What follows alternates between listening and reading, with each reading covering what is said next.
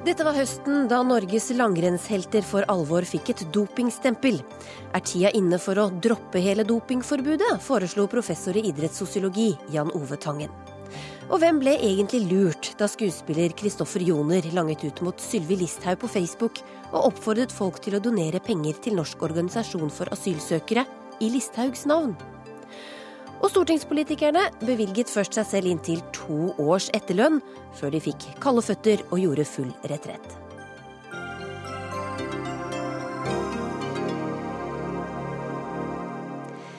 Jeg heter Linn Beate Gabrielsen og skal følge deg gjennom denne timen med noen av høydepunktene fra Dagsnytt 18 denne høsten.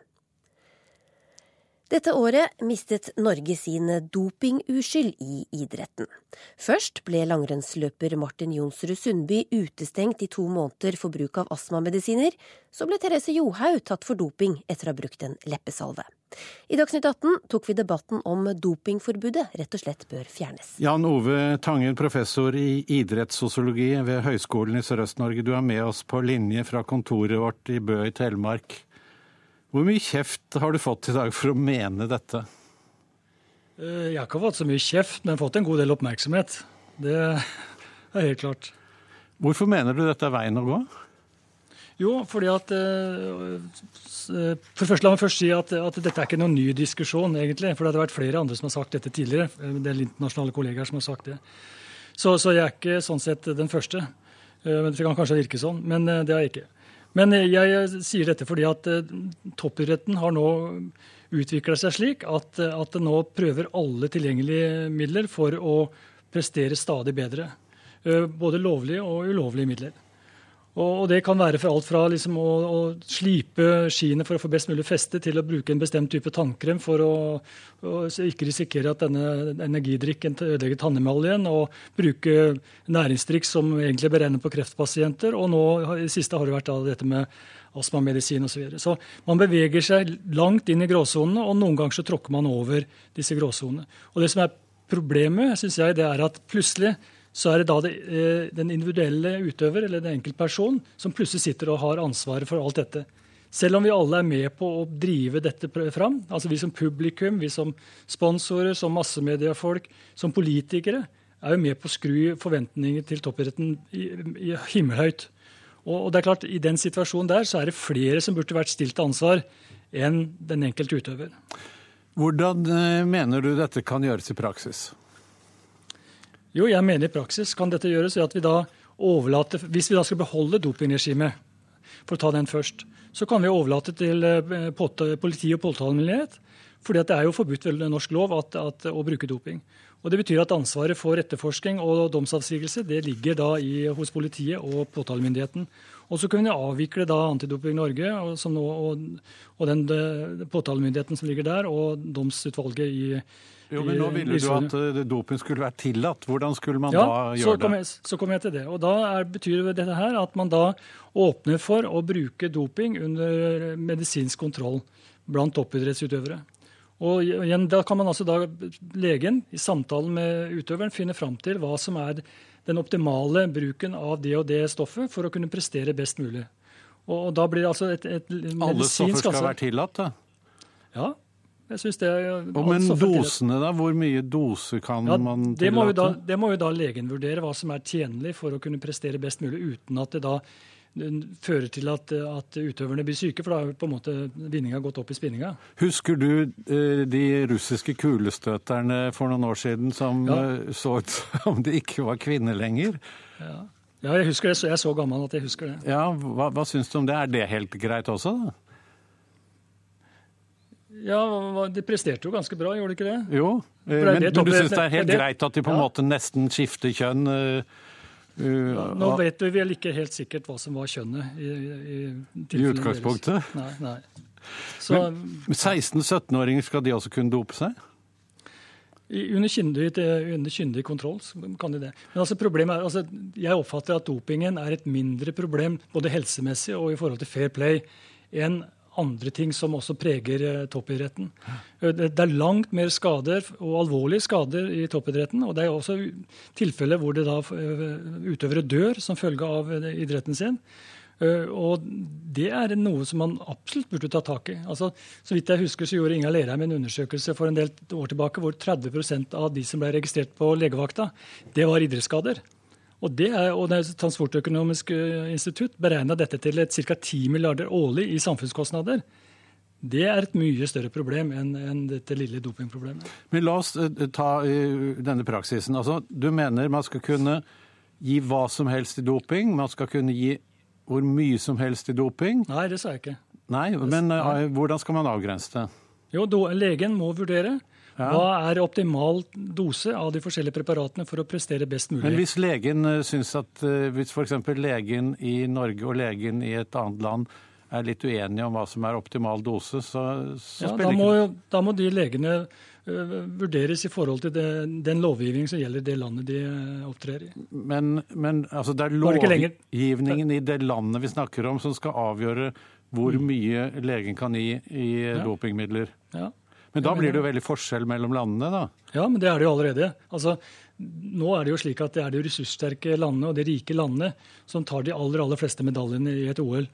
Eh, og de har også da ressurser nok til å forske på andre nye dopingpreparater som da ikke er mulig å spore. Mens de fattige landene oppnår sjeldent altså noen medaljer. I tillegg må de bruke gammeldags doping og risikere da mye eh, oftere å bli tatt i doping. Så du mener at dette kan være en hjelp til de fattige landene, at de kan bruke nei, mer nei. doping og så det, konkurrere det, det, bedre med de rike landene? Men den urettferdigheten som gjelder mellom de rike og fattige landene, den er betydelig verre sånn rent etisk sett fra mitt ståsted enn denne diskusjonen om doping. Mm. Tror du at legene vil være mest uh, påpasselig med helsen til utøverne, eller mest påpasselig med idrettsledernes krav om å, om å vinne?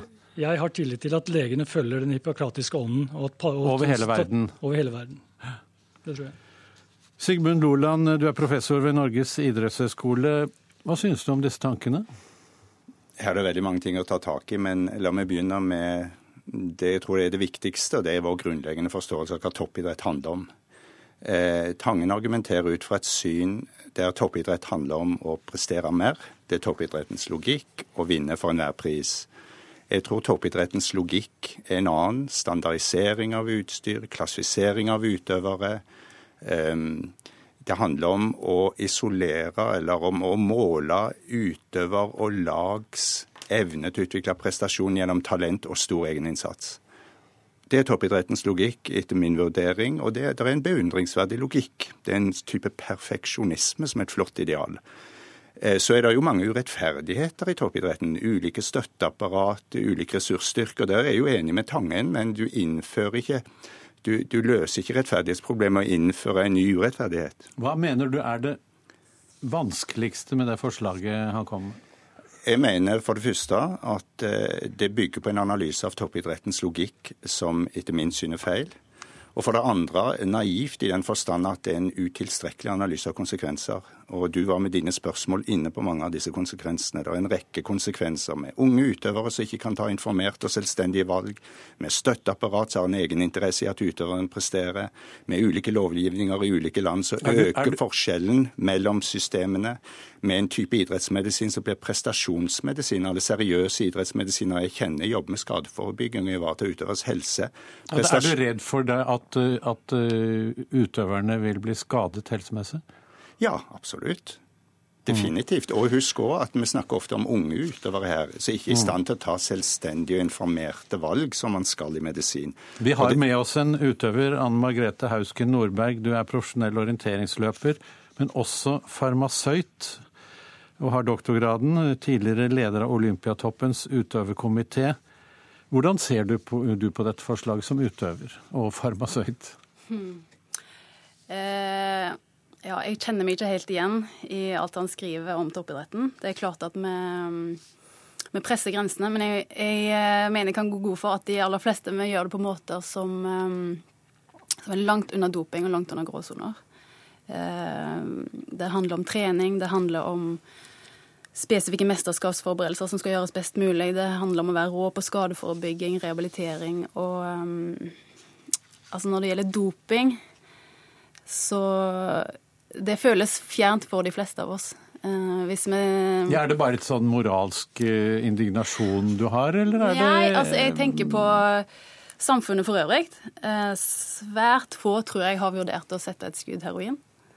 Um, jo, men det er jo langt, det er langt fra heroin. Du kan ja, ikke sammenligne f.eks. Johaugs bruk av Nei, lepomade med et skudd heroin. Det er jo Det gjør jeg heller ikke. Men, men jeg tror Jeg velger iallfall fortsatt å tro at i norsk toppidrett så er det svært få som virkelig har vurdert skal jeg gå inn for en systematisk doping for å gjøre karrieren min best mulig. Men, men har, vi ikke, har vi ikke denne gråsonen likevel? F.eks.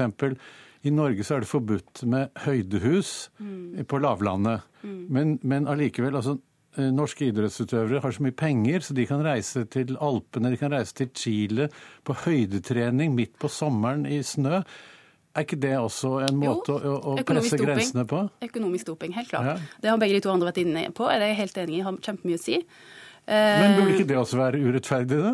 Og, og, og forbudt? Jo, men det er klart at vi utøvere ønsker en rettferdig konkurranse. Eh, og skal vi få det, så må vi minimere risikoen for um, for urettferdighet. Og En av måtene å gjøre det på er å drive det antidopingarbeidet som man gjør i dag. Da tror jeg vi må stanse diskusjonen der. Takk skal dere ha, alle tre. Dagsnytt 18 alle hverdager kl 18.00 på NRK P2 og NRK2.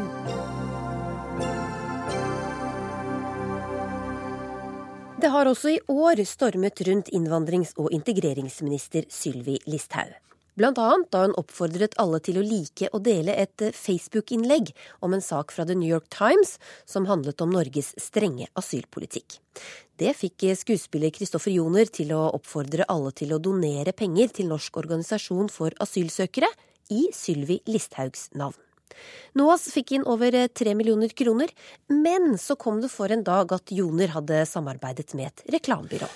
Uærlig. NOAS og Joner har lurt folk, det skriver du, Frøy Gudbrandsen, politisk kommentator i Bergens Tidende i, i, i, i dag. På hvilken måte er det uærlig? Nei, for det første jeg si at uh, jeg syns det er veldig bra at pengene strømmer inn til NOAS, for de både trenger og fortjener de pengene. Men det er mange som føler seg lurt i dag. Fordi dette innlegget til Kristoffer Joner det var skrevet på en måte som gjorde at mange trodde at dette var hans initiativ, hans private initiativ, som han på en kom med hjemme i stua. Eh, og, men så viser det seg etterpå at det var noe ganske annet. Eh, ingen som tviler på at han mener det han skriver, men utgangspunktet for det hele var altså at NOAS trengte penger og tok kontakt med et reklamebyrå. Eh, og derfor så sitter nå en del med en følelse at de har blitt lurt. Vi har vært i kontakt med Kristoffer Joner selvfølgelig i dag, men han ønsker ikke å si noe hittil. Han er opptatt med, med filminnspilling. Men hva er lureri, uh, Frøy Gudbrandsen? Fordi, uh, som du sier, han står jo for det. Og han er jo selv politisk aktiv. Han sitter jo i kommunestyret i Stavanger i tillegg til å være skuespiller. Nei, Det er jo nettopp det at utgangspunktet, altså Dette var ikke et privat initiativ fra han i utgangspunktet. Det var NOAS som tok kontakt. Um, og altså Når folk sitter igjen uh, og er lurt og har delt et innlegg nettopp fordi det kom fra Kristoffer Joner, nettopp fordi de trodde det var et innlegg som han hadde, altså han hadde kommet seg på Facebook i raseri og på en måte Kristoffer Joner er liksom det mest ekte, autentiske som fins. Og når han legger ut et personlig innlegg, uh, og så viser det seg i ettertid at det var del av en kampanje, eh, så føler folk seg lurt. For det var ikke alle som fikk med seg at dette var en kampanje. Men, men hvordan vet du at folk føler seg lurt? Jeg har snakket med ganske mange, og det er, er ganske interessant i dag. Her er det mange som reagerer på den måten at ja, de som ikke forsto dette her, de er dumme, og eh, liksom, hvor blåst går det an å være hvis du ikke skjønner at dette er en profesjonell kampanje. Eh, jeg har snakket med minst 20 eh, mennesker i dag eh, som sitter igjen med den følelsen. Men det kan godt tenkes at jeg har et dummere nettverk enn folk flest, i hvert fall på Twitter, da, og det er jeg egentlig ganske glad for. Men jeg skjønner godt at ikke de gidder å liksom skrive, skrive, lange innlegg om at de føler seg lurt når man blir møtt med den type Når det er det man blir møtt med. At man er dum hvis man sitter med den følelsen. Ann Margrethe Austenaa, generalsekretær i Norsk forening for asylsøkere, NOAS. Hva synes du om at noen føler seg lurt? Nei, Det er jo ikke bra eh, at noen føler seg lurt. Men jeg syns at det er vanskelig å forstå at de føler seg så veldig lurt. Fordi at eh, situasjonen er at Kristoffer Jon, Joner mener det han mener. Eh, NOAH står for det vi står for, og det står veldig klart i den posten til Kristoffer Joner at dette mener han, dette oppfordrer han folk til å markere at det er ikke greit hvordan Listhaug snakker om veldig vanskelige spørsmål, og hvordan hun nærmest hoverer over at vi har en politikk retorikk som er svært brutal overfor barn. Eh, og det kommer helt klart fram. Det står han for 100 eh, Og han oppfordrer folk om å styrke rettssikkerheten for asylsøkere gjennom å gi penger til NOAS. Og han skriver at han har en dialog med NOAS eh, om det. Så jeg, jeg har litt problemer med å forstå at de skal være så veldig lurt. Hvor mange penger har de fått inn? Vi har fått inn over 3,2 millioner. Og halvparten er det jeg har kommet i løpet av dagen i dag, hvor denne debatten har rast om hva dette er og ikke er. For dette ble kjent da du i Kulturnytt på NRK her i dag tidlig fortalte nettopp at, eh, at bakgrunnen var et arbeid dere hadde med, med dette eh, reklamebyrået. Men som gammel journalist og mangeårig leder av Norsk Journalistlag, ser du at det kan ses på som en slags skjult markedsføring? At budskapet er, er skjult i det som ser ut som en et personlig henvendelse? Nei, jeg kan vanskelig tenke meg et tydeligere budskap. Dette er en klar melding til Listhaug om at vi syns ikke at den språkbruken er en statsråd verdig, og det er et behov for rettshjelpsmidler. Og er du enig i dette, så lik det og del det, og støtt NOAS. Så det har jeg problemer med, og det var jo tydelig i den posten. Der skriver han at det er en dialog mellom, mellom han og NOAS. Gudbrandsen? Ja, altså Dialog, det, det, kan jo være veldig mye. Eh, jeg tror at dette, eh, mange reagerer ekstra kraftig på dette nå. Fordi eh, det er ganske vanskelig eh, noen ganger å skille måtte, sant fra usant, autentisk fra regissert. Um, og her, i dette, tilfellet her sånn, så blir, det, blir man veldig usikker. OK, reklamebyrå uh, involvert det var ikke Kristoffer Joner som tok initiativ til dette her. Hva er det egentlig? Eh, og jeg ser folk har, har skrevet type Facebook-statuser i dag. Sånn Sorry, folkens, kommer ikke til å dere sånne ting igjen. Eh, fordi man forstår ikke hva det er, klarer ikke å plassere det. Og likevel Gudbrandsen, er det jo ganske mange som har da valgt å gi et bidrag lenge etter at dette ble kjent, at, at, ja. at NOAS hadde jobbet med et reklamebyrå eh, hvor, hvor en av reklamemennene er da en kompis med Joner, og slik startet det hele. Altså det er jo veldig, jeg syns jo det er flott ja, at uh, NOAS får de pengene uh, som de trenger. Og jeg er helt enig i, i at uh, NOAS trenger de pengene nå mer enn noen gang. Men det er noe med eh, Det var ikke alle som fikk med seg at dette var en kampanje. Og det liker man før man gir penger, så liker man å vite at det er en kampanje. Og, og, og det er også, mange har ført da at de har gitt penger på falske premisser. Ingebrigt Jensen, kjent reklamemann, forfatter av flere bøker. Hva mener du? Har, har, har eh, Noas og Joner lurt folk? Nei, jeg syns ikke det. Eh, I den grad det er noen som lurer folk til å tro at det er eh, redaksjonelt og ikke reklame, så er det jo Bergens Tidende og alle de andre avisene som sauser dette sammen til fantastiske nivåer for tiden. Men, men altså, kortversjonen er jo at Kristoffer Joner har uttalt noe han mener. Har ikke, ingen har betalt den for å gjøre det. Et reklamebyrå har hjulpet han med å lage en betalingsløsning og få den på Facebook. Han hadde aldri vært på Facebook før. Eh, så det er noen hjulpet han med. De har heller ikke fått betalt. Det er ingen medier som er blitt betalt for å trykke dette. Så, så at det der kan være et eklatant Man må jo ha respekt for at noen føler seg lurt. Men de aller, aller, aller fleste føler seg ikke lurt. Da hadde ikke 100 000 mennesker likt dette her. Og 3000, nei, 32 000 nordmenn betalt og støttet, eh, støttet opp.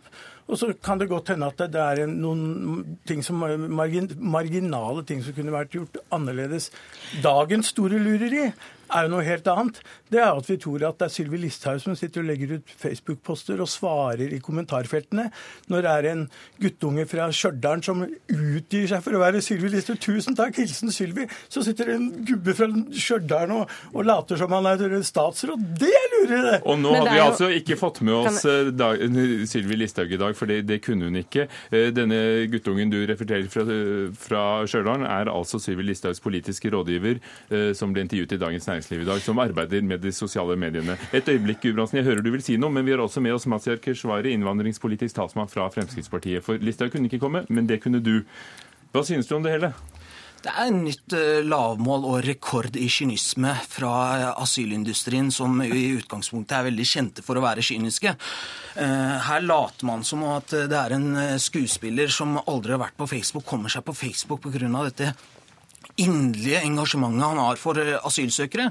Og så viser det at det hele er koordinert for å skaffe en av aktørene i innvandringsindustrien enda flere millioner kroner enn det de allerede har.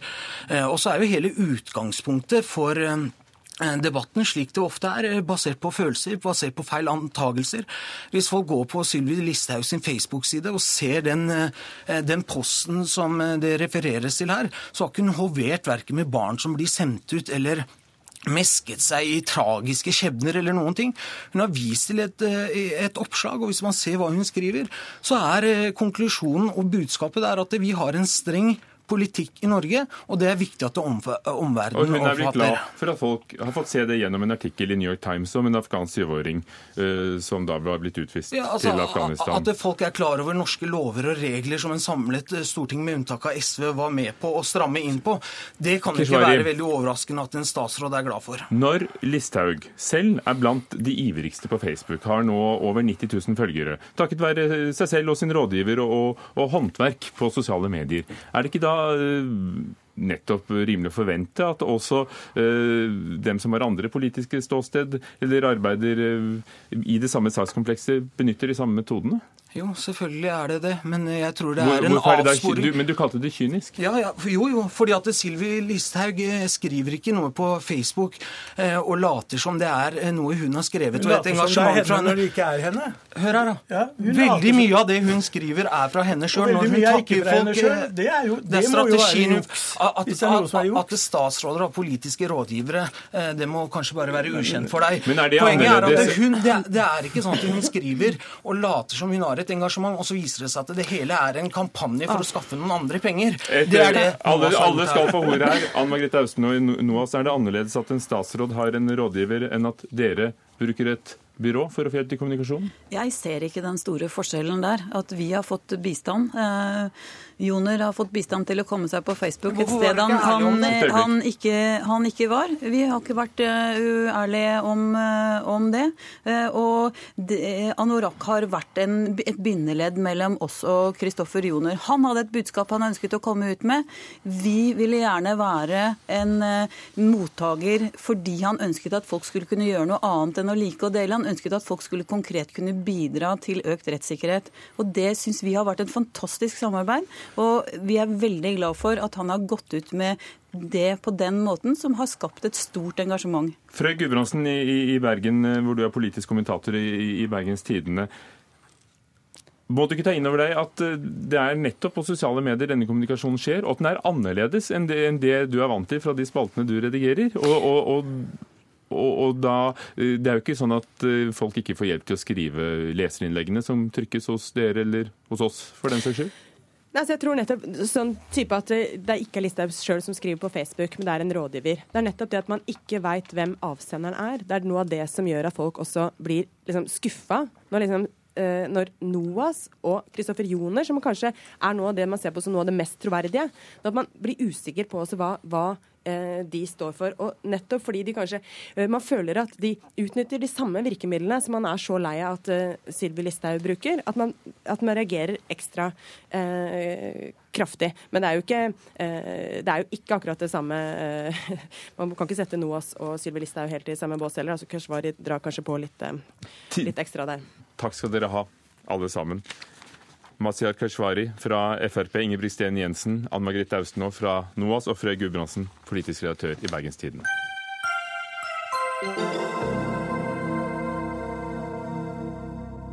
Vigdis Hjorts siste bok 'Arv og miljø' sparket i gang høstens store litteraturdebatt om bruken av levende modeller i romaner. For hvilket vern har levende personer mot å bli brukt som romanfigurer? Dette er et utdrag av debatten som gikk i Dagsnytt 18. Hvordan er det mulig, når alle andre profesjoner må utøve en faglig refleksjon, at kunsten går fri? Det spør en som føler seg utlevert i en kritikerrost norsk roman som kom i fjor. Spørsmålet stilles i en kronikk i Aftenposten i dag. Og den som føler seg utlevert, det er deg, Marianne Bang-Hansen. Velkommen. Takk. Hvorfor tar du opp eh, denne saken? Denne saken tar jeg opp nå fordi eh, det gjennom Inge Nøklands innlegg for noen uker tilbake ble skapt et rom og et klima for å kunne gjøre det.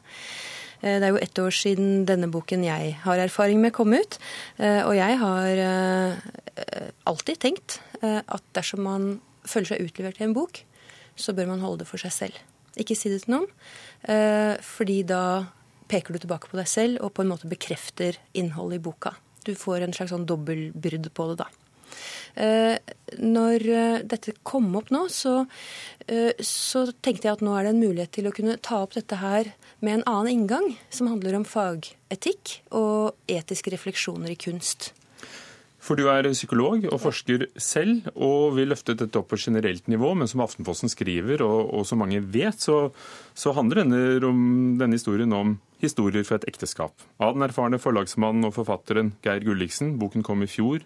Den eh, ble nominert til priser, fikk god, god kritikk. Hvilken, hva gjorde det med deg? Det er ubehagelig å kjenne seg igjen. Og jeg er jo også fullstendig klar over at uh, litterære verker, bøker, romaner er fiksjon. Eh, og jeg er også klar over at man skriver ut fra et sted i seg selv, og, og sånn må det nok være. Men det det gjorde med meg, eh, var at jeg eh, kjente igjen elementer, jeg kjente igjen trekk ved livet mitt og ved meg selv og ved, med menneskene rundt meg og ved rom og hus jeg har gått omkring i. Og det syns jeg var fryktelig ubehagelig. Det er litt som å bli fanget eller vist fram på en måte som er veldig, veldig ubehagelig. Men det vet jo ikke andre. Det er mange som vet. Eh, og det handler jo litt om reaksjonene man også får. Eh, for det er jo det som gjør det ekstra prekært. Når, jeg blir da kontaktet og, folk kjenner seg igjen, kjenner meg igjen. Og noen kjenner jo også seg selv igjen. Altså andre enn meg. Ville det vært mulig for noen andre å skrive så privat og gi det ut som du ser det? Nei, Det kan jo ikke jeg svare på. Det vet jeg ikke. Kanskje. Men for deg som psykolog, f.eks.?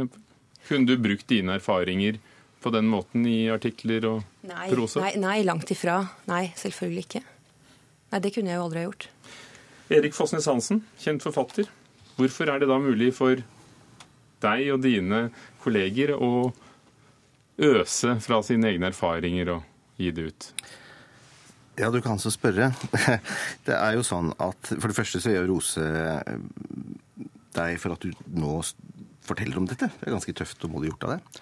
Det er ikke ubetinget sånn at, det er, at man er garantert å være beskyttet mot et ubehag eh, hvis man har vært brukt som eh, hva skal vi si, levende modell for en skikkelse i en roman. Men det er nå sånn en gang at det består en kontrakt mellom eh, leser og forfatter og Den består i at når man skriver på forsiden av en bok at dette er en roman, og man kanskje har endret navn, man har endret en del på omstendigheter og sånn, kanskje svært meget, sånn at nesten ingen kjenner det igjen, eller ganske lite, slik at man kan se at her er det spor av levd virkelighet, så befinner det seg i en fiksjonalisert verden. Det er en forestilling, det er en dokumentarbok. Det er ganske andre metodekrav og ganske andre etiske krav som stilles til f.eks. en terapeut, som Marianne er, eller en forsker, eh, som du vel også har vært, eller er, og eh, det som stilles til en, en roman, en, eller en romanforfatter og en roman. Eh, og sånn må det nesten være hvis vi skal kunne ha en fri kunst. Men før vi går da må videre... vi kunne leve med det ubehaget, dessverre. Sånn, sånn Erik Fossnes Hansen, har du fått møte det ubehaget? Har du eh, blitt eh, konfrontert med reaksjoner fra, fra mennesker som du har latt deg inspirere? Nå skriver jeg jo stort sett på susjetter som ligger ganske langt tilbake i tid, og med ganske andre kulisser enn norsk samtid. Jo, men det går an å flytte men, ting ikke bare i sted, men også men i tid. Men jeg skal love deg at jeg også bruker eh, levende modeller. Det gjør jeg. Men stort sett så kjenner ikke de modellene seg igjen fordi at de kjenner seg ikke igjen i bakgrunnen la oss si, med, med et norsk høyfjellshotell i 1982, som boken av våre foregår i, eller Titanic i 1912. Men senest bare for eh, et par uker siden så snakket jeg med en mann som hadde gått rundt i sin ungdom og trodd at han var modellen til en av personene i min andre roman. Eh, men han var nok ikke det. Jeg hadde aldri møtt ham før. Men poenget her med denne gjenkjennelsen er at det virker som om det virker som vi på en måte begynner å ikke forstå hvordan den kontrakten mellom leser og forfatter fungerer. Eh, at vi insisterer på at det skal gjøres rede for virkelighetsgehalten i litteratur. Og at vi insisterer på også, eller mener, at folk har krav på å, være, på å unngå det ubehaget det eventuelt er å være modell. Er det, er det et uberettiget krav? Det jeg ikke forstår, er hvordan spørsmålet, eller dersom det er sånn at man føler seg utlevert, eller at man kjenner seg igjen, så er svaret fiksjon. Det er svaret, ja, men det er jo fiksjon. Skjønner du ikke det? Det er jo en roman, det er jo fiksjon. Eh, jeg skjønner ikke eh, hvordan man kan møte eh, det at noen kjenner seg igjen i romaner Jeg er jo ikke den som gjør det. Det er mange som gjør det. Og svaret er ja, men det er jo fiksjon. Det er jo en roman. Det står på utsiden av en roman. Men, men, sånn at uh, Hvorfor kan ikke også kunsten tillate seg å gjøre helt grunnleggende etiske refleksjoner når man skal skrive en bok, i forhold til timing, i forhold til tittel, i forhold til tema. Hvorfor er det helt avvisning? Det forstår ikke jeg. Det er det jeg ikke forstår. Denne debatten har gått om flere titler de siste ja, den, årene. Den løpt, for ikke å snakke om Karl Ove Knausgårds Min kamp, men ja, også mange andre. Kan det være at, at dine kolleger ikke alltid er like flinke som kanskje du er, til Nei. å Altså, nå, har jeg snakket, en, nei, altså, nå har jeg snakket en del med forlagsredaktører om akkurat dette. Og alle som en sier selvfølgelig at når dette blir et tema, når det dukker opp et manuskript hvor det helt tydelig er trekk fra forfatterens eget levde liv, så er det klart at det kommer motforestillinger fra redaktørstolen til forfatteren. Men til syvende og sist, og nå prøver ikke jeg å si at forfattere er eller skal være, eller kunsten er eller skal være hevet over etikk og moral. Men til syvende og sist, i kunsten så blir det et personlig spørsmål. Det blir et personlig samvittighetsanliggende for den enkelte forfatter. Det lar seg ikke stille opp et sett med etiske kjøreregler, og det lar seg heller ikke lage et utvalg à la PFU. Og Grunnen til at det ikke kan være sånn, er at da ville vi ikke lenger ha en fri kunst. Dette er prisen som samfunnet må betale i, som en del av den offentlige samtale for å ha en fri kunst. Så kommer det juridiske aspektet. og Det er, det er derfor jeg antar at min sidemann sitter her for å gjøre rede for det. For Men det står jo nemlig enhver fritt å gå til rettslige skritt. Advokat, ekspert på ytringsfrihet. Pressen har et uh, faglig utvalg, et PFU, med visse retningslinjer. Er det utenkelig at uh, også skjønnlitterære forfattere uh, skulle hatt noen av de samme kravene over seg, om ikke jussen, så kanskje etisk? Det er utenkelig at man får et etisk råd som skal ta stilling til forfatteretikk. Men det er jo to spørsmål. Jeg tror ikke man kommer noen vei juridisk. Det er såpass vide grenser for ytringsfriheten. Og det ser man jo de få tilfellene som er blitt brakt inn for domstolene, de vinner forlag og forfattere, alle sammen. Så Jussen kan man glemme. Så dette er eh, for alle praktiske formål et rent etisk spørsmål. Og da er det jo to, to spørsmål. Det ene er er det en etikk for skjønnlitterære forfattere? Og det er det jo selvfølgelig. Det er jo ikke det eneste området i Norge som er en etikkfri sone. Selvfølgelig kan det stilles etiske krav, og, og det har man jo gjort opp gjennom årene i forhold til bokutgivelser har, har karakterisert bøker som uetiske. Så spørsmålet er jo hvor går grensen? Eh, Mener du at norske forfattere trår over denne grensen? Jeg mener at den, altså den mest kjente boken eh, som bygger på levende modell etter krigen, eh, Arna Mykles sangen om rød rubin, mm. den mener jeg er uetisk. Den er ikke på noen måte straffbar eller juridisk rettsstridig, men Mykles bruk av levende modell i et lett gjennomsiktig bergensmiljø fra Handelshøyskolen mener jeg er uetisk. Men man må ha en debatt. Hvor går grensen? Og kan, den grensen går Det er ikke sånn at man kan si roman, og så har man en rød løper som man kan bare rulle over alle lik. Det er mye mer komplisert enn som så. Man må ha et ansvar. Det ansvaret hviler på forlagsredaktøren. Takk skal dere ha. Marianne Bang-Hansen, forsker og psykolog. Erik Fossnes Hansen, forfatter. Cato Schjøtz, advokat.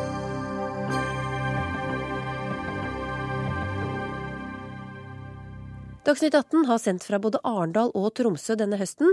Motorsykkelvester var et hett tema i Tromsø. Bør folk som har på seg motorsykkelvest, som flere av gjestene her på Driv i Tromsø kveld har, det er bare å se rundt seg, kastes ut fra utesteder? Det spørsmålet har vært heftig debattert i Tromsø den siste tiden etter at et medlem av en helt lovlig motorsykkelklubb ble kastet ut fra et skjenkested fordi han hadde på seg en skinnfest med motorsykkelklubbens navn. Og det hele skjedde med politiets eh, velsignelse. Siv Anita Sole, leder for MC-rådet i Tromsø. Du representerer da alle motorsykkelklubbene i Tromsø. Hva er det som provoserer deg? Altså, det provoserer jo det at eh, For det første så vil jeg si at det finnes ingenting som heter ulovlig motorsykkelklubb i Norge. Eh, for det andre så er det jo det at eh, vi har jo vi har jo like mye rett til å vise vår tilhørighet som alle andre har, å vise tilhørighet. Bare fordi at vi har klaska merke på en skinnvest, så skal ikke vi være velkommen på en uteplass. Så hva står det på merket ditt? På mitt merke står det Safir. Se bare så flott. Se. Safir, blå ran rundt og en uh, Og et ansikt inni med sting på farger og Ja, Ja. og klart jeg er er kjempestolt. Vi er en ren jenteklubb, og det finnes klubber i masse forskjellige varianter. Så det er klart det sier seg sjøl, vi som er tilhører klubber, vi er kjempestolte. For oss er ikke det her eh, en hobby, det er en livsstil. Og det er klart vi vil vise oss frem. Einar Sparbo Lysnes, fungerende politimester i Troms politidistrikt. Dere i politiet støttet det utestedet, som vi spurte om å, å komme og delta i debatten, men som ikke kunne. Eh, I å, å, kastet ut denne personen. Hvordan, hvordan kan dere det med, med loven i hånd? Ja, For oss har det vært eh, viktig å, eh, å støtte de utestedene som har tatt det standpunktet. Vi pålegger ingen utested, og vi kan ikke pålegge noen utested å ta den type standpunkt. Men for de som har tatt det, så har det vært viktig for oss å signalisere at vi oppfatter dette å være fullt lovlig. Eh, vi har i Tromsø en strategi som vi er sammen med kommunen om, hvor vi eh, ønsker å vise en kald skulder til eh, 1 %-miljøet innenfor MC-kriminaliteten. Kan du fortelle oss hva er det dere mener når dere snakker om 1 %-miljø? Det er den eh, prosenten av MC-miljøet som er et problem for norsk politi. Eh, det er et miljø som, eh, hvor det begås kriminalitet, og det begås alvorlig kriminalitet. Det er ingen hemmelighet, da, og det er en oppfatning politiet har hatt lenge. Det har vi forsøkt å dokumentere, og det har vi også erfaringer med lokalt. Vi har et sånt miljø vel etablert i Tromsø. Og Det er også litt av bakgrunnen for at enkelte utesteder, men noen få utesteder, har valgt å ta det standpunktet. Man ønsker altså ikke å forby MC-folk å komme på byen, men man ønsker ikke uniformeringa inn på utesteder fordi det skaper frykt, redsel, og det kan provosere. Så hvis det er sånn at det skaper frykt, og da kanskje flere enn hos politimesteren, eh, kan dere ikke bare ta dere vesten? Klart vi sikkert kunne ha tatt av oss vesten, men det kan du jo spørre f.eks. dem som går med AUF-T-skjorte, eller dem som går med Tromsø svingklubb, eller hva de måtte gå med. Om ikke de òg kan kle av seg fordi at enkelte syns det skulle være ubehagelig. Jeg ser ikke at vi eh, viser Altså, jeg kan ikke forstå hva som skal være så skremmende med den MC-vesten i det hele tatt. Og jeg kan heller ikke forstå hvordan eh, så mange mennesker skal skjæres under én kam fordi det finnes enkelte kriminelle personer i et miljø. Det finnes det i alle miljøer. Det gjør det i politiet òg. Det finnes jo hvitsnippforbrytere. Men kaster dere ut Kaster dere ut eh, folk med dress og hvit snipp? Ikke dere eller støtter dere utesteder Nei, som vil kaste ut folk med hvit snipp? Nei, Det er ikke det dette handler om. Eh, eh, Vi mener at det er vel dokumentert at eh, i disse 1 %-miljøene og i, i ringene rundt dem, så begås det alvorlig kriminalitet. Vi vet også at sånn som den klubben som er representert i Tromsø, det er en sterk merkevare. Eh, publikum eh, og også ansatte på utesteder eh, frykter, en del av dem frykter det miljøet. Men for å snakke om 99 %-klubbene, der hvor det ikke begås kriminalitet, og ingen er dømt og ingen er mistenkt for noe engang, med hvilken rett går det an da å, å nekte dem den ytringsfriheten det er, og som står i Den europeiske menneskerettighetskonvensjonen, at man kan kle seg som man vil, også på et sted? For vi snakker jo ikke om, vi snakker jo ikke om en trestjerners restaurant, vi snakker om puber, utesteder. Ja, Det er ingen tvil om at uh, dette, er et, uh, dette er et dilemma. Det er problematisk. Uh, det er ingen tvil om. Men spørsmålet er, må ikke dere da passe på at alle opplever og får den retten som står der til å ytre seg som, som de vil? Om det, så er med klær. det er ikke politiet sin, sin rolle eller oppgave. Dette er utesteder som uh, sjøl bestemmer hvilken profil de vil ha på sine gjester. Og så lenge de har en saklig begrunnelse for det, så, eh, så kan de ha slikt, eh, slike regler. Og vi mener at i, i Tromsø så er det en saklig begrunnelse for å ha slike regler. Og denne debatten har jo gått altså i Bergen, Haugesund, eh, på Sørlandet, i Trondheim, også i Tromsø nå. Takk skal dere ha. Einar Sparbo Lysnes, fungerende politimester i Troms politidistrikt. Siv Anita Sole, leder i MC-rådet. Hva skal vi leve av etter oljen, er jo det store spørsmålet. Den påtroppende styrelederen i Nasjonalmuseet, Linda Bernander, sa til Aftenposten at kunsten er den nye oljen. Klassekampens Mimir Kristiansson regnet litt på det, og fant ut at vi må selge 378 eksemplarer av Skrik i året for å erstatte oljeinntektene. Linda Bernander Silseth eh, overtar som styreleder for landets største museum 1.1. Gratulerer. Hvordan ser du for deg at kunsten skal kunne bli en næring som eh, ikke bare skaper inntekter for seg selv, men hele samfunnet?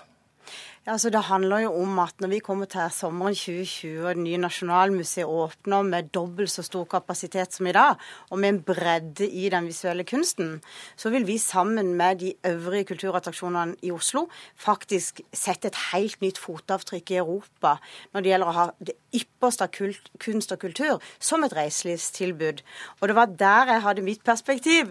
Det var at jeg syns at reiselivsmarkedsføringen av Norge skal få en større substans og at vi i tillegg til å markedsføre våre vakre fjell og fjorder og vårt fantastiske teknologiske næringsliv, så skal vi også nå kunne briljere med det ypperste og det fremste av kunst og kultur. Kunstturisme, ikke sant? Helt korrekt. Kunst- og kulturturisme. Mimi Kristiansson, nyhetssjef i Klassekampen. Du har gjort et lite regnestykke. Hva kom du til? Jeg kom til at man må selge for å erstatte statens oljeinntekter må man selge 378 eksemplarer av Skrik hvert eneste år til en markedspris på 650 millioner kroner. Og det baserer seg altså, ved mindre man skal lage oljemalerier, som selvfølgelig er en løsning, så baserer det seg på at alle andre i verden ikke er i stand til å lage kunst. Og det som irriterer meg, som er fra Stavanger, det er at det synes som om mange folk ikke forstår hvor stor næring oljen er, og hvor mye det betyr. Jeg kan bare lese opp noen ting. Mm. Laks er den nye oljen. IT-bransjen er den nye oljen. Blåbær er den nye oljen. Klarnet smør er den nye oljen. Asylmottak er den nye oljen. Kunnskap er framtidas olje. Reklame er den nye oljen. Og etter oljen skal vi leve av øl. Og dette er sånne ting som folk slenger ut seg med. Og det er fornærmende overfor de mange hundre tusen menneskene som jobber i en næring som tross alt tar regningen ikke minst for hele Kultur-Norge. Ikke et vondt om kunstnere. Mange av mine beste venner er kunstnere. Men jeg må dessverre si de klarer knapt å forsørge seg sjøl. Enda mindre å betale skatteinntekter som kan generere den typen velstand som oljen har gitt oss. Oh. Hva vil du si til dette? Nei, altså, det, Vi lever jo i et demokrati, heldigvis. så jeg tenker at eh, Det å ha litt brytning og meningsmessig er jo, er jo, veldig sunt. Men det handler jo om at det er jo skattebetalerne som du trekker inn i dette, og staten Norge som står bak Norges største kulturprosjekt noensinne, med 6 milliarder som investeres på Vestbanen fra sommeren 2020. Og da tenker jeg at vi alle har et ansvar for å tenke ut nye næringsveier, eller tenke hvordan vi kan på en måte øke tilfanget av turisme, som er en ny eksportnæring for oss nå. Så du syns ikke han har et poeng i det hele tatt? Ser ikke Jeg ser absolutt et poeng. Han sier at, eh, at, flere vil på en måte tenke kreativt og innovativt rundt hvordan vi kan utnytte mer de eksisterende næringsveier og den kulturen og kunsten vi har i Norge. Jeg tenker det er veldig bra. Og jeg tenker også at Nasjonalmuseet, som jeg har tenkt i, i det jeg har uttalt om den nye oljen, også skal være en arena for både unge utøvende kunstnere og den gamle, kjente, kjære kunsten som vi ivaretar på vegne av alle nordmenn. Og Der skal museet også romme eh, eh, rett og slett nye, nye, næringsdrivende og nye kunstuttrykk. Right, jeg får jo en følelse av at uh, stakkars uh, Silseth her blir offer for litt oppdemma frustrasjon, Kristiansson. Men ser du noen fellestrekk mellom de som misbruker da, det, det, din mening, dette uttrykket, den siste oljen, eller hva skal vi leve, det vi skal leve av etter oljen? Oljen? Jeg syns de veldig ofte bor i Oslo. Eh, jeg syns de veldig sjelden har bakgrunn fra det jeg vil kalle produktive næringer, enten det er fra industrien eller fra oljebransjen eller fra hva det skulle være. Eh, jeg tror veldig ofte de har til felles at de lever på regningen eh, til oljearbeiderne, som tross alt er med å utvinne de verdiene som betaler for sånne ting som Nasjonalmuseet. Og for all del, jeg er ikke noe mot at man skal bruke penger på kunst og kultur i Norge. Er det opp til meg, så burde man brukt enda mer penger på det, enda mer oljepenger på det. Men la oss get real her. Altså, Du snakker om fotavtrykk i Europa. Trollplattformen alene, Trollplattformen alene leverer altså gass til 10% av alle husstandene i Europa. Det er vårt fotavtrykk i Europa. Du snakker om et stort bygg til 6 milliarder. Altså, Oljeinvesteringene falt alene i fjor med mange titalls milliarder. Eh, Trollplattformen nok en gang er et av de største menneskeskapte byggverkene som finnes. Alt dette er enormt stort.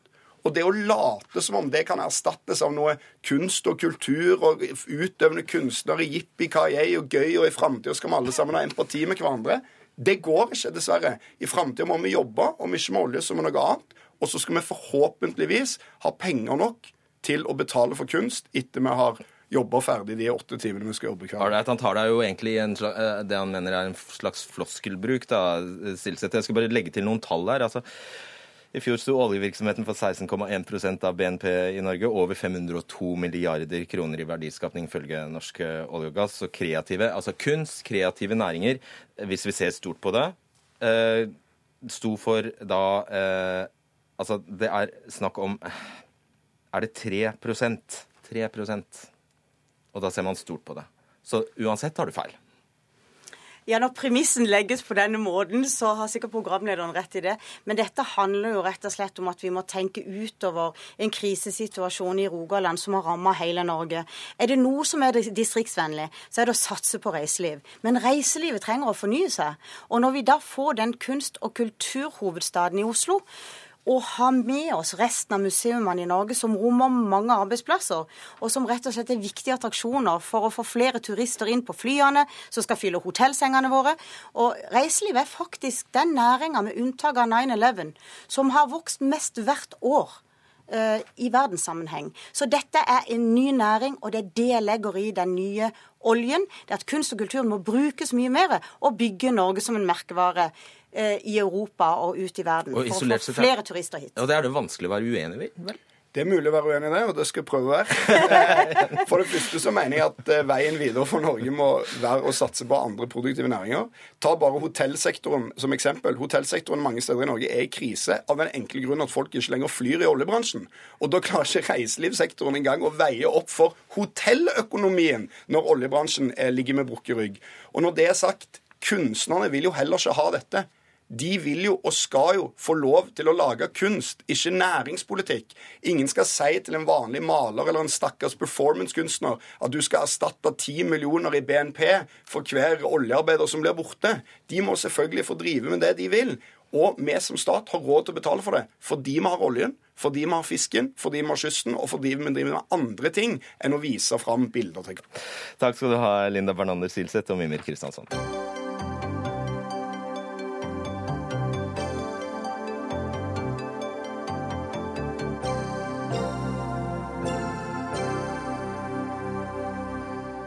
En sak som virkelig skapte temperatur i Dagsnytt 18-studio, var diskusjonen om stortingsrepresentantenes etterlønn. Som en liten julepresang til seg selv vedtok nemlig Stortinget at representantene skulle få inntil to års etterlønn om de ikke fikk seg ny jobb. Men etter at saken havnet på avisforsidene, så snudde Arbeiderpartiet, Frp, Venstre, KrF og Senterpartiet. Og vi skal forsøke å finne ut hva som gikk galt på veien. Men først Arve Kambe, leder i arbeids- og sosialkomiteen på Stortinget for Høyre. Det var altså tre partier som hele tiden stemte imot at ordningen skulle utvides. Høyre, SV og MDG. Eh, Dermed trengte ikke du og ditt parti å snu. Hvorfor ønsket ikke dere denne utvidelsen av ordningen?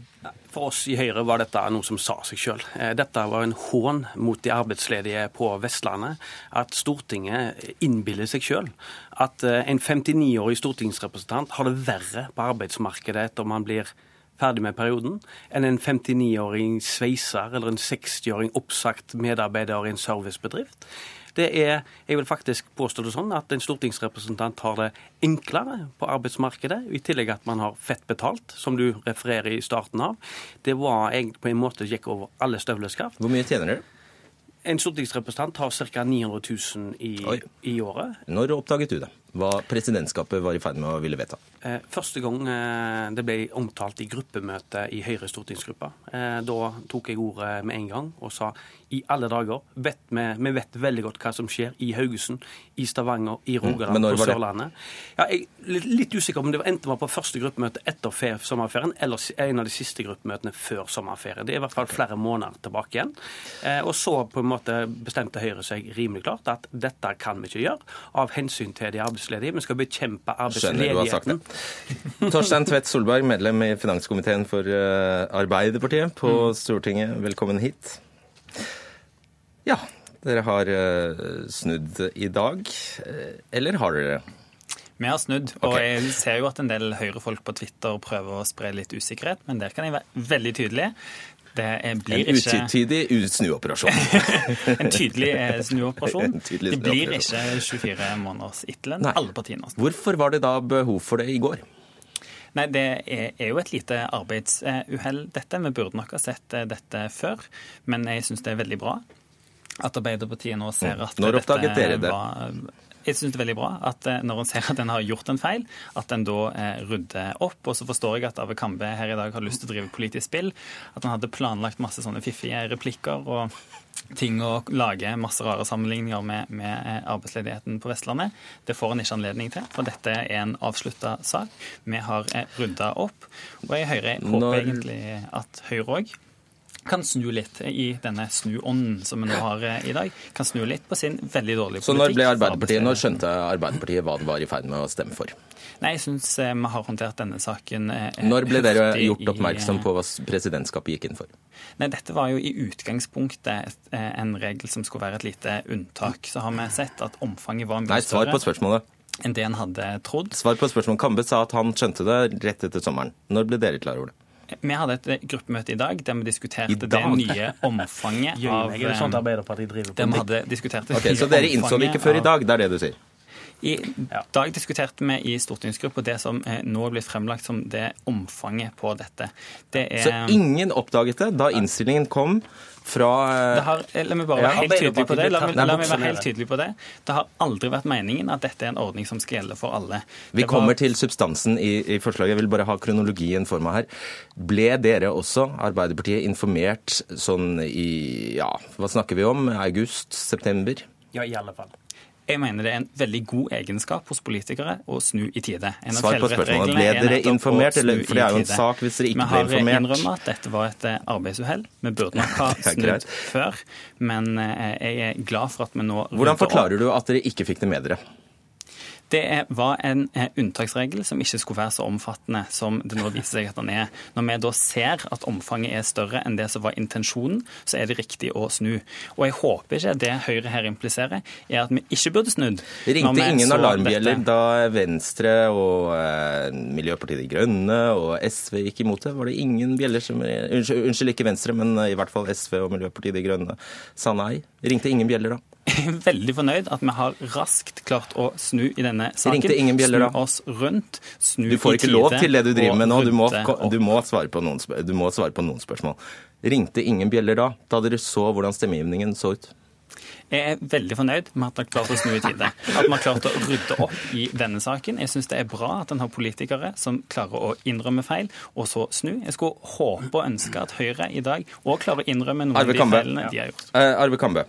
Hvorfor skal denne ordningen fremdeles være så mye bedre for stortingspolitikere enn for alle oss andre?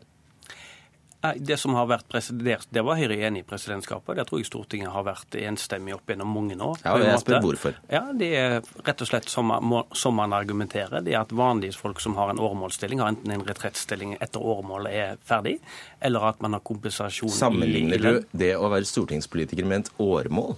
Ja, for det er jo på fire år, så det har vært eh, bakgrunnen for det. Eh, For oss så har det vært på en måte uaktuelt å utvide den ordningen. Og Det er derfor jeg syns på vegne av Stortinget og på vegne av Høyre og andre at dette har vært en dårlig dag for Stortinget. Vi har altså et, vi har en statsministerkandidat, Jonas Gahr Støre, som i kjent stil vingler. Han har ett et Ja, standpunkt i går kveld, ett standpunkt til frokost i dag. Nå, ærlig talt, nå er det, min tur En av gangen, dette. Men han hadde ett, spørsmål, hadde ett svar i går kveld. Han hadde et annet svar som han ikke visste hva han, hva han mente til frokost i dag. Og til middag i dag så kjørte Støre i helt stil med en helt ny tre, tredje standpunkt. Er ikke Kambe fornøyd med at eh, alle nå er enige med hans standpunkt? Jo, men Jonas Gahr Støre har lyst til å være statsminister i Norge. Sånt opptrer ikke statsministre. Vi setter Stortinget i forlegenhet. og Nei, han er jo ikke statsminister. Nei, han han er et opposisjonsparti som har innsett Ja, har hva, hva, de var i feil, eh, hva, hva de var i ferd med å gjøre. I tide, faktisk. Fordi Stortinget har, skal behandle dette to ganger. Den skal behandles to ganger, og i den anledningen så har jeg sagt at at Arbeiderpartiet bør benytte anledningen i Stortinget til å be om unnskyldning til de arbeidsledige for måten Arbeiderpartiet har opptrådt på. Vil du det? Altså, jeg synes det burde vært litt ydmykhet fra Høyre Nei, her. han vil ikke det. At en vil legge vekk det politiske spillet. Jeg tar veldig gjerne diskusjonen med Høyre om arbeidsledigheten. Vi har nå en regjering som har kutta i feriepenger til de ledige. Den har. Ah, okay, en i sykelønnen. Den har en regjering som for- har veldig dårlig politikk for de arbeidsledige. Og det å bruke de arbeidsledige i dette politiske spillet fra Høyre, det syns jeg ikke er diskusjonen La oss gå inn i substansen, siden det var det du etterlyste det først her. Ja, Hvor mye, får, eh, hvor mye får jeg i dagpenger maksimalt? Alle som blir arbeidsledige i Norge, hvis de ikke sitter på Stortinget, Mm. Får eh, to tredjedeler av tidligere inntekt. Vel å merke eh, hvis de, hvis de har tjent under 6G, Som som, i praksis er 480 000 kroner. Da får de to tredjedeler av det, som betyr i praksis så kan du maksimalt få 360 000 i dagpenger i Norge i dag. 46 000 får vi opplyst fra Nav. 346 000. Ja, ja, jo da. 30 000 i måneden, litt ekstra. Ja, I 104 uker. Og der er det null skjønnsutøvelse. Mm. Eh, Der er det, det er to år, og ferdig med det. Ferdig med det. Og da spør jeg deg igjen. Det du i dag, altså det Høyre går inn for, er altså at stortingsrepresentanter som er ferdig med sine fire år, skal få full lønn, 900, over 900 000 i tre måneder, pluss etterlønn på 600 000 i et helt år etter det. Så, i tillegg til det, får de altså disse vanlige dagpengene som vi andre får. Forklar hvorfor det er rimelig. Nei, jeg syns ikke det er rimelig. Jeg er en av de som Jo, du har jo stemt for det. Ja, jeg er en av de som skal gå av på Stortinget nå. Og mitt utgangspunkt er at hvis du ikke er god nok til arbeidslivet etter å ha vært på Stortinget, så skjønner ikke jeg hvorfor i alle dager man er på Stortinget i det hele tatt. Hvordan man har klart å bli valgt. Har du stemt for eller mot det, det Nei, jeg beskrev nei, nå? for jeg tenker at for mange så er det, et, er det en utfordring. Eh, og da har man tenkt på, på, historisk sett at eh, for en del stortingsrepresentanter eh, som nærmer seg 60-70-årene, så har ikke Stortinget en AFP-ordning som andre, har, andre arbeidsplasser har. Eh, og dermed så har det på en måte... Har du måte stemt for eller mot det jeg beskrev nå? Ja, det har et enstemmig storting stemt for. Ja. Eh, Og spørsmålet, bare prøv å svare kort på det. Hvorfor er det rimelig? At det skal være så stor forskjell mellom dere og oss? Nei, jeg syns egentlig ikke det er noen god Så grunn du stemmer til å være for noe du ikke mener det er grunn for? Ja, Det hender ofte at man må gjøre Stortinget. Man, man, man er nødt til å bøye seg for det. Eh, Men jeg syns av hensyn til en del andre Husk på en, en del arbeidsgivere har gode retrettstillinger, har andre måter å, å gjøre det på. Stortinget har ikke det. Eh, Men jeg tenker at eh, hvis Stortinget over tid skal være tjent med sånne ordninger, så er, er ikke det bra for Stortinget. Fordi det går utover Stortingets renommé, anseelse. Og altså, gjentar det, altså, er du god Mm. nok til å komme mm. inn på Stortinget, så er du jaggu meg god Ja. nok til å ha en jobb etter du er ferdig okay. på Stortinget. Hvilket signal tror dere at dere har sendt ut i dag, Torstein Tvedt Solberg? Jeg tror vi har klart å vise at Arbeiderpartiet, når en ser realiteten i saken, klarer å snu. At en klarer å rydde opp etter seg. Og så håper jeg diskusjonen framover nettopp handler om hva vi kan gjøre i Stortinget. For å hjelpe alle de 135 000 arbeidsledige på Vestlandet. For det gjør vi ikke nok. Det skulle gjerne sett en massiv snuoperasjon fra Høyre. Ja, svar du da på hvorfor, svar, svar på eh, det samme eksempel spørsmålet. Hvorfor skal dere ha en så mye bedre ordning enn alle oss andre? Arbeiderpartiet gikk i forrige periode i bresjen for å snevre inn den ordningen. Den Ja, ordningen fra å være mye, mye, mye mye bedre så til å bli mye bedre. Jeg tror nesten alle har hørt om de tidligere gullpensjonene på Stortinget. Det var Arbeiderpartiet som gikk i bresjen for å avvikle de. Eh, Vi har vært opptatt av at det ikke skal være sånne supergode ordninger på på, Hvorfor skal den være fremdeles så mye bedre? Den er ikke eh, så Tre måneders etterlønn pluss 60% lønn i et helt år, pluss dagpenger i to år, det er veldig mye bedre enn alle vi andre har. Det er jo det som var det viktige i den innsnevringen vi gjorde i den ordningen. Det er den, den er- ordningen som eksisterer er- i dag. At den er kortere, at det er tettere oppfølging, og at du ikke har den samme retten på den. Så vi har gått i bresjen for at den skal være eh, strengere enn den var før. Det syns jeg er riktig. Vi noterer oss eh, det, og så tar vi med oss at eh, Fremskrittspartiet, Venstre, Senterpartiet og KrF også har snudd i dag. Det var slettes ikke alle de som rakte opp hånda og ville hit til Dagsnytt 18 i dag. Takk skal dere ha. Dette var et gjenhør med noen av høydepunktene fra Dagsnytt 18 det siste halve året. Du har hørt programlederne Ugo Fermariello, Fredrik Solvang og Anders Magnus.